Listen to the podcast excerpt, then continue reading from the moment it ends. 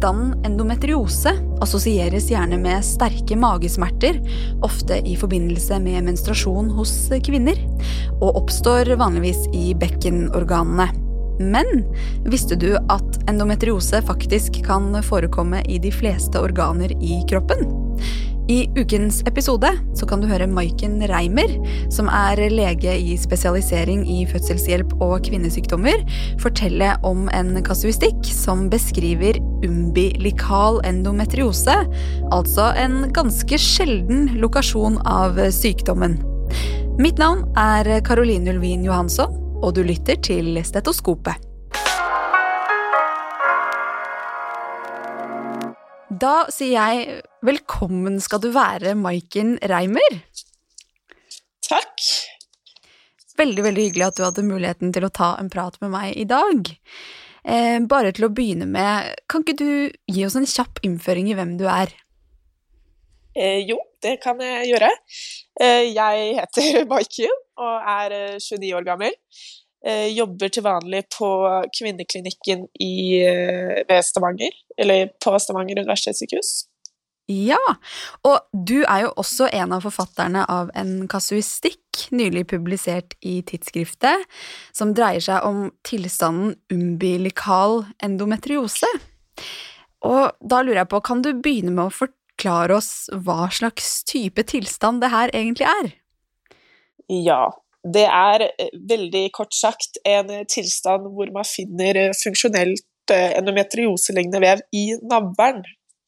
I navlen. Fordi når man hører ordet endometriose, så tenker man jo gjerne på en tilstand som gjerne rammer bekkenet, og ofte gir magesmerter, ofte forbundet med menstruasjon. Um, hvis vi skal på en måte ta et lite steg tilbake, da, kan du også forklare hva endometriose er sånn overordnet sett? Selve begrepet? Ja, jeg kan prøve. For å forklare det, så må man nok snakke litt om utruskaviteten og slimhinnen der, som jo er endometriet. Um, og endometriet, tykkelsen av det vokser med, i takt med kvinnens syklus og forbereder seg på implantasjon av eh, et befrukta egg. Uh, og hvis du da gjennomfører en syklus uten at det skjer, så vil en del av endometriet bli frastøtt fra utruskaviteten, og det kommer til uttrykk som kvinnens menstruasjon. Um, når man da, da, har endometriose, så har man altså celler som ligner disse cellene, uh, som befinner seg i endometriet, på andre organer enn i uterus. De vil i stor grad da oppføre seg som endometriet, men på steder som ikke er skapt for dette, og det kan skape problemer. Og hvilke steder er dette da typisk, som vanligvis? Vanligvis så snakker man jo om uh, bekkenet. Der vil man finne godt over 80% av tilfellene, vil jeg tro. Ja, og på bekkenorganer som f.eks. eggstokker og sånt noe, da, eller? Ja. Det aller mest vanlige er eh, ovariene og, og eh, ja, tubene, og så har du jo peritoneum, eh, eller bukveggen, da, hvor du kan finne det. Mm. Ja. Og hva er det endometriose egentlig kan føre til, da, hvis man går med dette ubehandlet over lang tid? Hva er det det gjør med kroppen? Det er eh, Endometriose er ganske komplekst, og eh, jeg har kun jobba to år i faget, så jeg vet ikke om jeg kan svare altfor utfyllende på det. Eh, men når man snakker om komplikasjoner, så snakker man jo hovedsakelig om, om smerte og infertilitet. Det er nok det man hører mest om.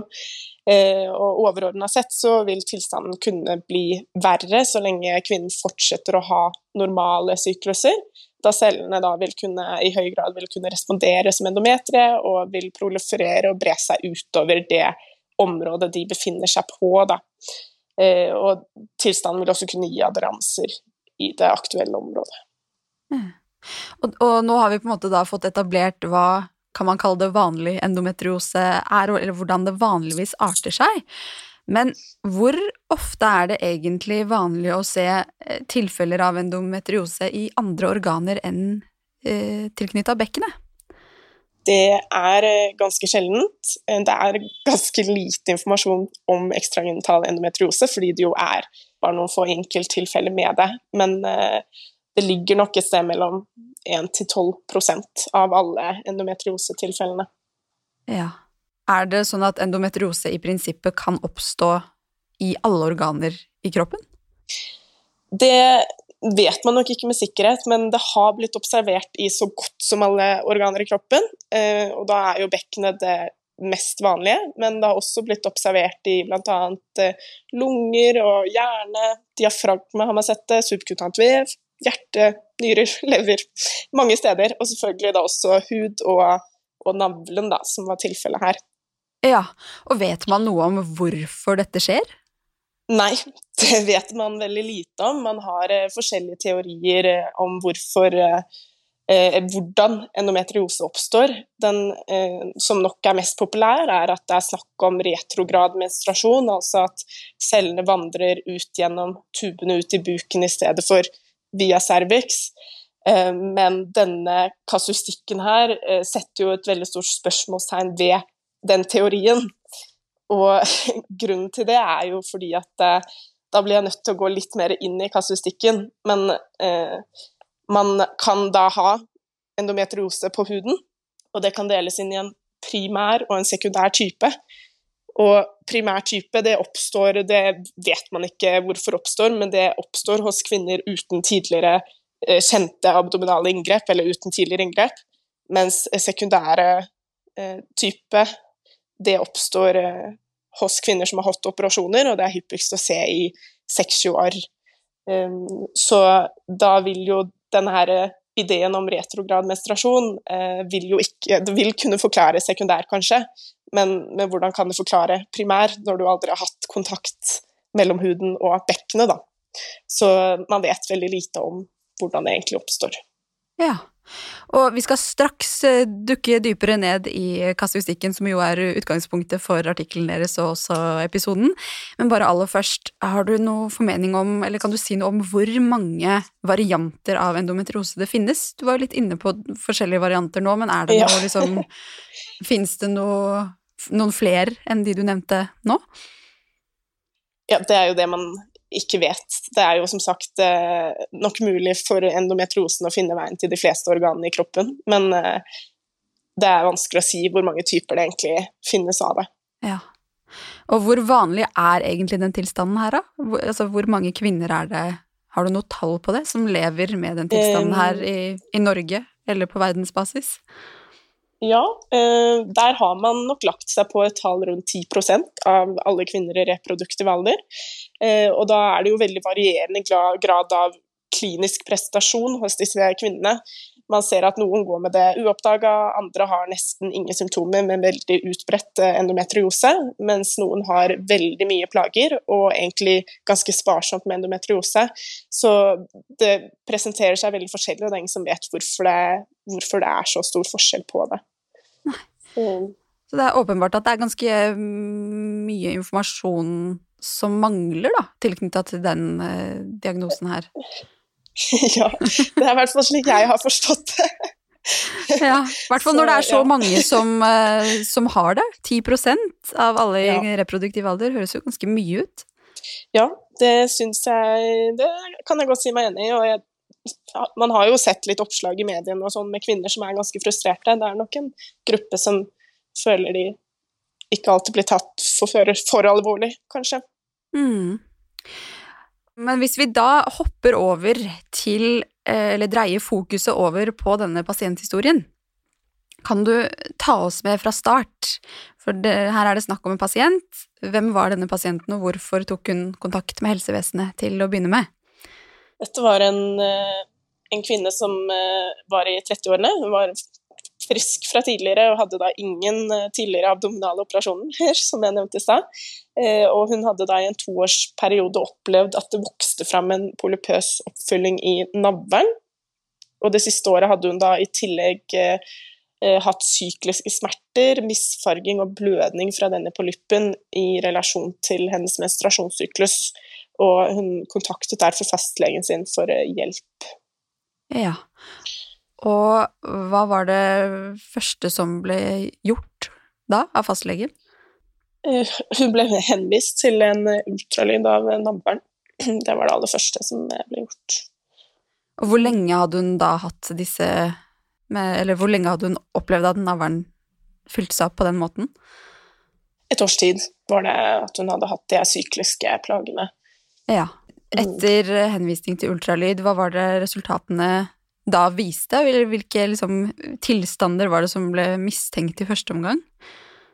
Den uh, ultralyden den viste at det var flere polypøse lesjoner som så ut til å smelte sammen i, i dypet av navlen. Uh, og man mistenkte faktisk allerede da at det kunne være endometriose. Um, og også urakusfistel ble foreslått, men man var ikke trygg med å stille diagnosen alene med ultralyd. Um, så da måtte man da videre, da. Ja, og videre var hvor? da ble hun henvist til en MR-undersøkelse, uh, og den, uh, den, viste at det var uh, en velavgrensa lesjon i fettvevet som var ekstraabdominalt for, for navlen. og det at det mest sannsynlig var snakk om endometriose eller granulom, men at man ikke med sikkerhet kunne utelukke sarkom, og man ønsket derfor å få utført en finåsaspirasjon, som man gjorde, og den var forenlig med endometriose. Ja, så da kunne de andre mistankene utelukkes på bakgrunn av det? Ja, da var man ganske sikker på at det nok var endometriose, og derfor ble hun da henvist til kvinneklinikken for videre behandling og utredning, da. Ja. Og når hun da hadde blitt henvist til lokalsykehusets kvinneklinikk, hva var da det neste steget mot å på en måte sette en endelig diagnose, eller var den på det tidspunktet allerede satt? Man vil gjerne ha histologisk bekreftelse på diagnosen, og det, eh, ja, det vi gjorde, var jo å operere henne. Vi fjerna rett og slett denne polyppen og sendte det inn til undersøkelse, og da fikk vi jo bekreftelse, endelig bekreftelse på at det var endometriose. Så det er jo på en måte det som som satte endelig punktum, da. Mm. Opplevde pasienten smerter tilknytta dette her? Ja, hun hadde smerter, eh, og de ble verre i forbindelse med menstruasjon. Så det var også sykliske endringer i smertemønsteret for pasienten. Eh, og da, hva, hvis vi skal liksom snakke litt om behandling og oppfølging av umbilikal endometriose spesifikt, da, hva vil du si er den beste eller mest effektive behandlingen eh, mot en tilstand som dette? Det er, eh, det er, kirurgi. Det er kirurgi med bred eksisjon. Uh, I flere av artiklene jeg leste på senere, så ble det nevnt muligheter for medisinsk behandling, men det har egentlig ikke Det vil ikke kunne løse problemet, da. Det vil kanskje kunne lette symptomer. Så du blir nødt til å operere det for endelig behandling. Mm. Ja, og denne kvinnen hadde ikke hatt noe Var det noe liksom Var hun særlig utsatt på noe vis? for at eh, dette her skulle kunne oppstå? Nei, hun eh, var ikke det. Hun var frisk fra før, hadde normale sykluser, eh, ikke noen problemer med smerter i forbindelse med menstruasjon. Det var ikke noe som pekte på at hun skulle få noe endometriose verken i navlen eller i bekkenet eller noe som helst. Så det er ikke så lett å si hva som skjedde der, egentlig. Nei. Hvordan skal man gå frem for å kunne kartlegge det i liksom videre forskning, da? Har du noen formening om det? Hvordan skal man kunne finne ut Jeg skjønner at det er litt et bredt og stort spørsmål, men, men sånn overordnet, hvordan er det man Er dette noe man burde sette mer fokus på, på et vis, for å kunne finne ut av? Det eneste man nok kan gjøre her, som jo også har blitt gjort litt, er jo å samle opp eh, enkeltkasuistikker og prøve å se på dem eh, i en samla gruppe. I og med at det er så sjelden, så er det vanskelig å gjøre noe større forskningsprosjekt på det, tenker jeg. Så det er, det er, litt å se på litteraturen som allerede eksisterer, og sammenligne litt, tenker jeg. Ja. Har kvinner med diagnosen umbilikal endometriose ofte behov for senere oppfølging etter eh, kirurgi? For selve umbilikal endometriosen så har de nok ikke det. Det er veldig sjelden med residiv. Um, til gjengjeld så er det kanskje verdt å nevne at rundt 35% av kvinnene med umbilikal endometriose også har endometriose i bekkenet. Og det kan det jo være behov for oppfølging av, av senere, da. Men det er, vi det er ikke noe vi går videre med der og da, med mindre de faktisk har symptomer på det også. Ikke sant. Kan umbilikal endometriose påvirke fertiliteten på samme måte som endometriose tilknytta bekkenorganene kan? Nei, det kan det ikke. Og det er fordi at uh, så lenge endometriosen kun befinner seg på huden og langt vekk fra bekkenets organer, så vil det ikke kunne gjøre det. Uh, det som påvirker fertiliteten, er endometriose og adranser i relasjon til ovariene og tubene. Hva vil du si er det viktigste dere har lært da med denne kasuistikken? Eh, både sånn bredt, men også når det gjelder å sette korrekt diagnose? Det er nok at man skal være veldig oppmerksom på kvinner med sykliske symptomer som ofte passer med menstruasjonssyklusen, uansett egentlig hvilke organer plagene kommer fra. Eh, hvis de har det, så bør man ha endometriose i bakhodet som en mulig differensialdiagnose, tenker jeg. Yes. Og hvilke er de vanligste differensialdiagnosene å peke på? Det eh, Ja, det, man kan jo starte med det mest alvorlige, da. Det er jo at det kan være kreft, og det er jo sånn som sarkom eller malignt melanom, primær eller, primær eller metastatisk karsinom. Og det må jo utelukkes som det aller første, selvfølgelig. Men ellers så har man eh, ja, det kan være hernie, absess, systelipom, kronolom og urakus fistel. Um, så det er jo litt forskjellige ting det kan, kan være, for så vidt. Så det er ikke alltid nødvendigvis så lett å på en måte peke på eller kartlegge at det kan være endometriose ved første øyekast, da, som du sier? Jeg tenker jo at eh, det er såpass sjelden at det vil kanskje være Det vil kanskje ikke være det første du tenker på, da. Eh, når du ikke har hatt noe, noen caser med det tidligere. Eh, men her var de jo faktisk ganske tidlig ute med å, å foreslå det, eh, når de da faktisk gjorde billeddiagnostikk, da. Utførte det. Mm. Men jeg tror fastlegen tror jeg hadde litt å bryne seg på. Ja. Og hvor stor andel av endometriosetilfellene utgjør umbilikal endometriose? Det utgjør rundt 0,5 til 1% av alle tilfellene, så det er jo ganske så sjeldent. Ja, det er ganske sjeldent. Eh, og er det noen spesielle pasientgrupper som er særlig utsatt for ulike varianter, egentlig, av endometriose? Både umbilikal og også andre varianter? Eh, ja, og der har vi jo igjen ikke så veldig bra svar, for vi vet jo egentlig ikke hvordan det oppstår i utgangspunktet. Eh, men generelt så kan man si at man, eh, ja, risiko, risikofaktorer for endometriose generelt er tidlig menark, korte menstruasjonssykluser, og så har det en viss genetisk disposisjon. Og så er det selvfølgelig kvinner i fertil alder det gjelder, da. For umbilikal endometriose så kan, man, så kan man se at det er hyppigst kvinner i 30-årsalderen.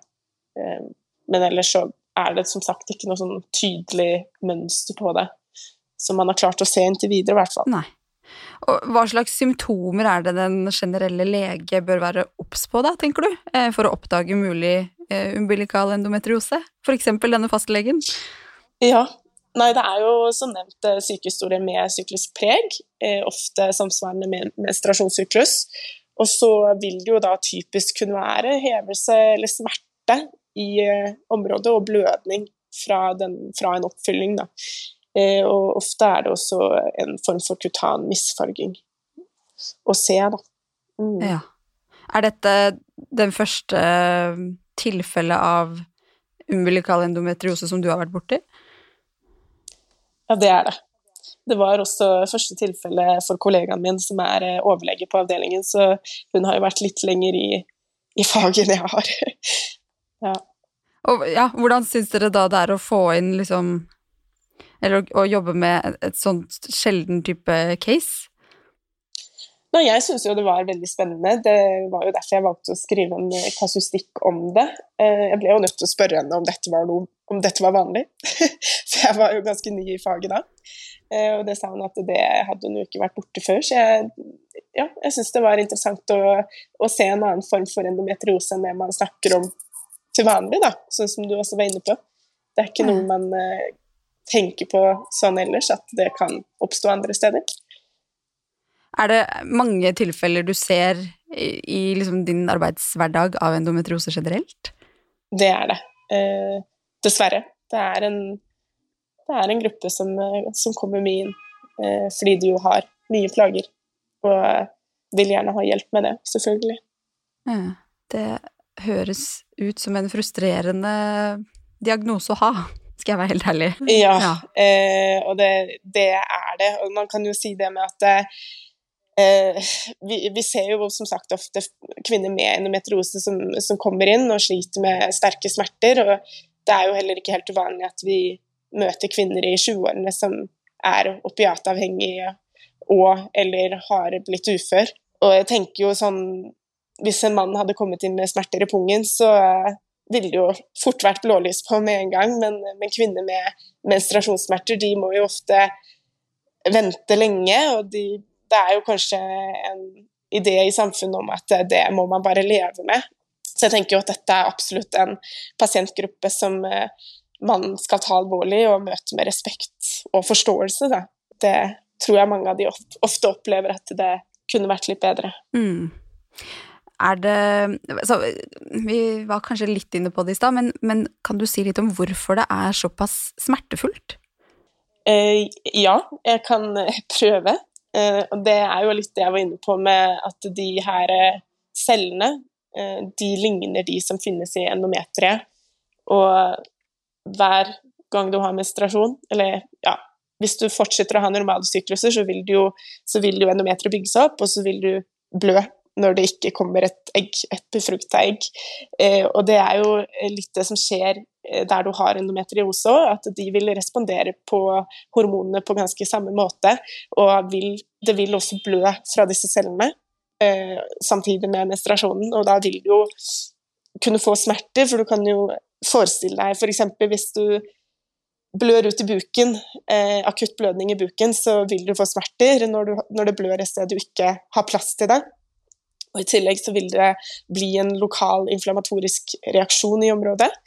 Eh, og alt dette foregår da et sted det ikke er ment å foregå. Eh, så det vil, gi, det vil, gi, kraftige smerter, og det vil det gjøre hver, hver gang kvinnen har menstruasjon. Mm.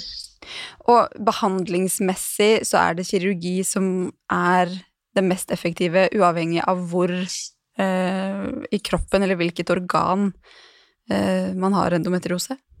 Det er ganske komplekst med behandlingen. Hvis, jeg vil tro at for kanskje de som ikke er i bekkenet, så, så, vil man kanskje gå for kirurgi litt tidligere. Men har man endometriose i bekkenet, så er man litt forsiktig med det, fordi at eh, endometriose i bekkenet er noe som er vanskelig å kurere kvinnen for. Man kan prøve å stagnere det på det stadiet det er, og ikke få det til å bli verre med å slutte å ha menstruasjoner. Og, og vi starter som regel med medisinsk behandling eh, hos disse kvinnene. Er ikke det nok, så vil man kunne vurdere operasjon for å fjerne det som er å se av endometrioseforandringer. Eh, men man har ikke kunnet se at flere operasjoner gir bedre resultat. Og ofte vil en kvinne som har blitt operert, kunne få nye forandringer, og da vil jo plagene kunne oppstå på nytt. Ja. Så det er, ikke, det er ikke en endelig behandling nødvendigvis, da. Nei.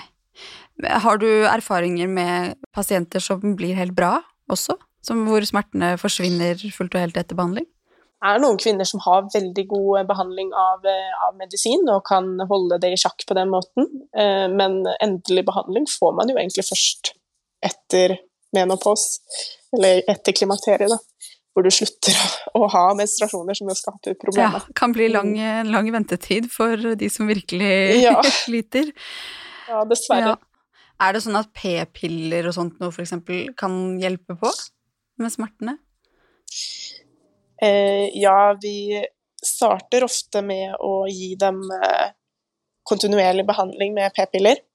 Eh, det er jo litt sånn Mange tror jo at man må ta pause fra p-piller hver måned, men det stemmer jo ikke. Man kan jo ta det kontinuerlig uten pause, og da vil man jo slippe for menstruasjon ganske lenge.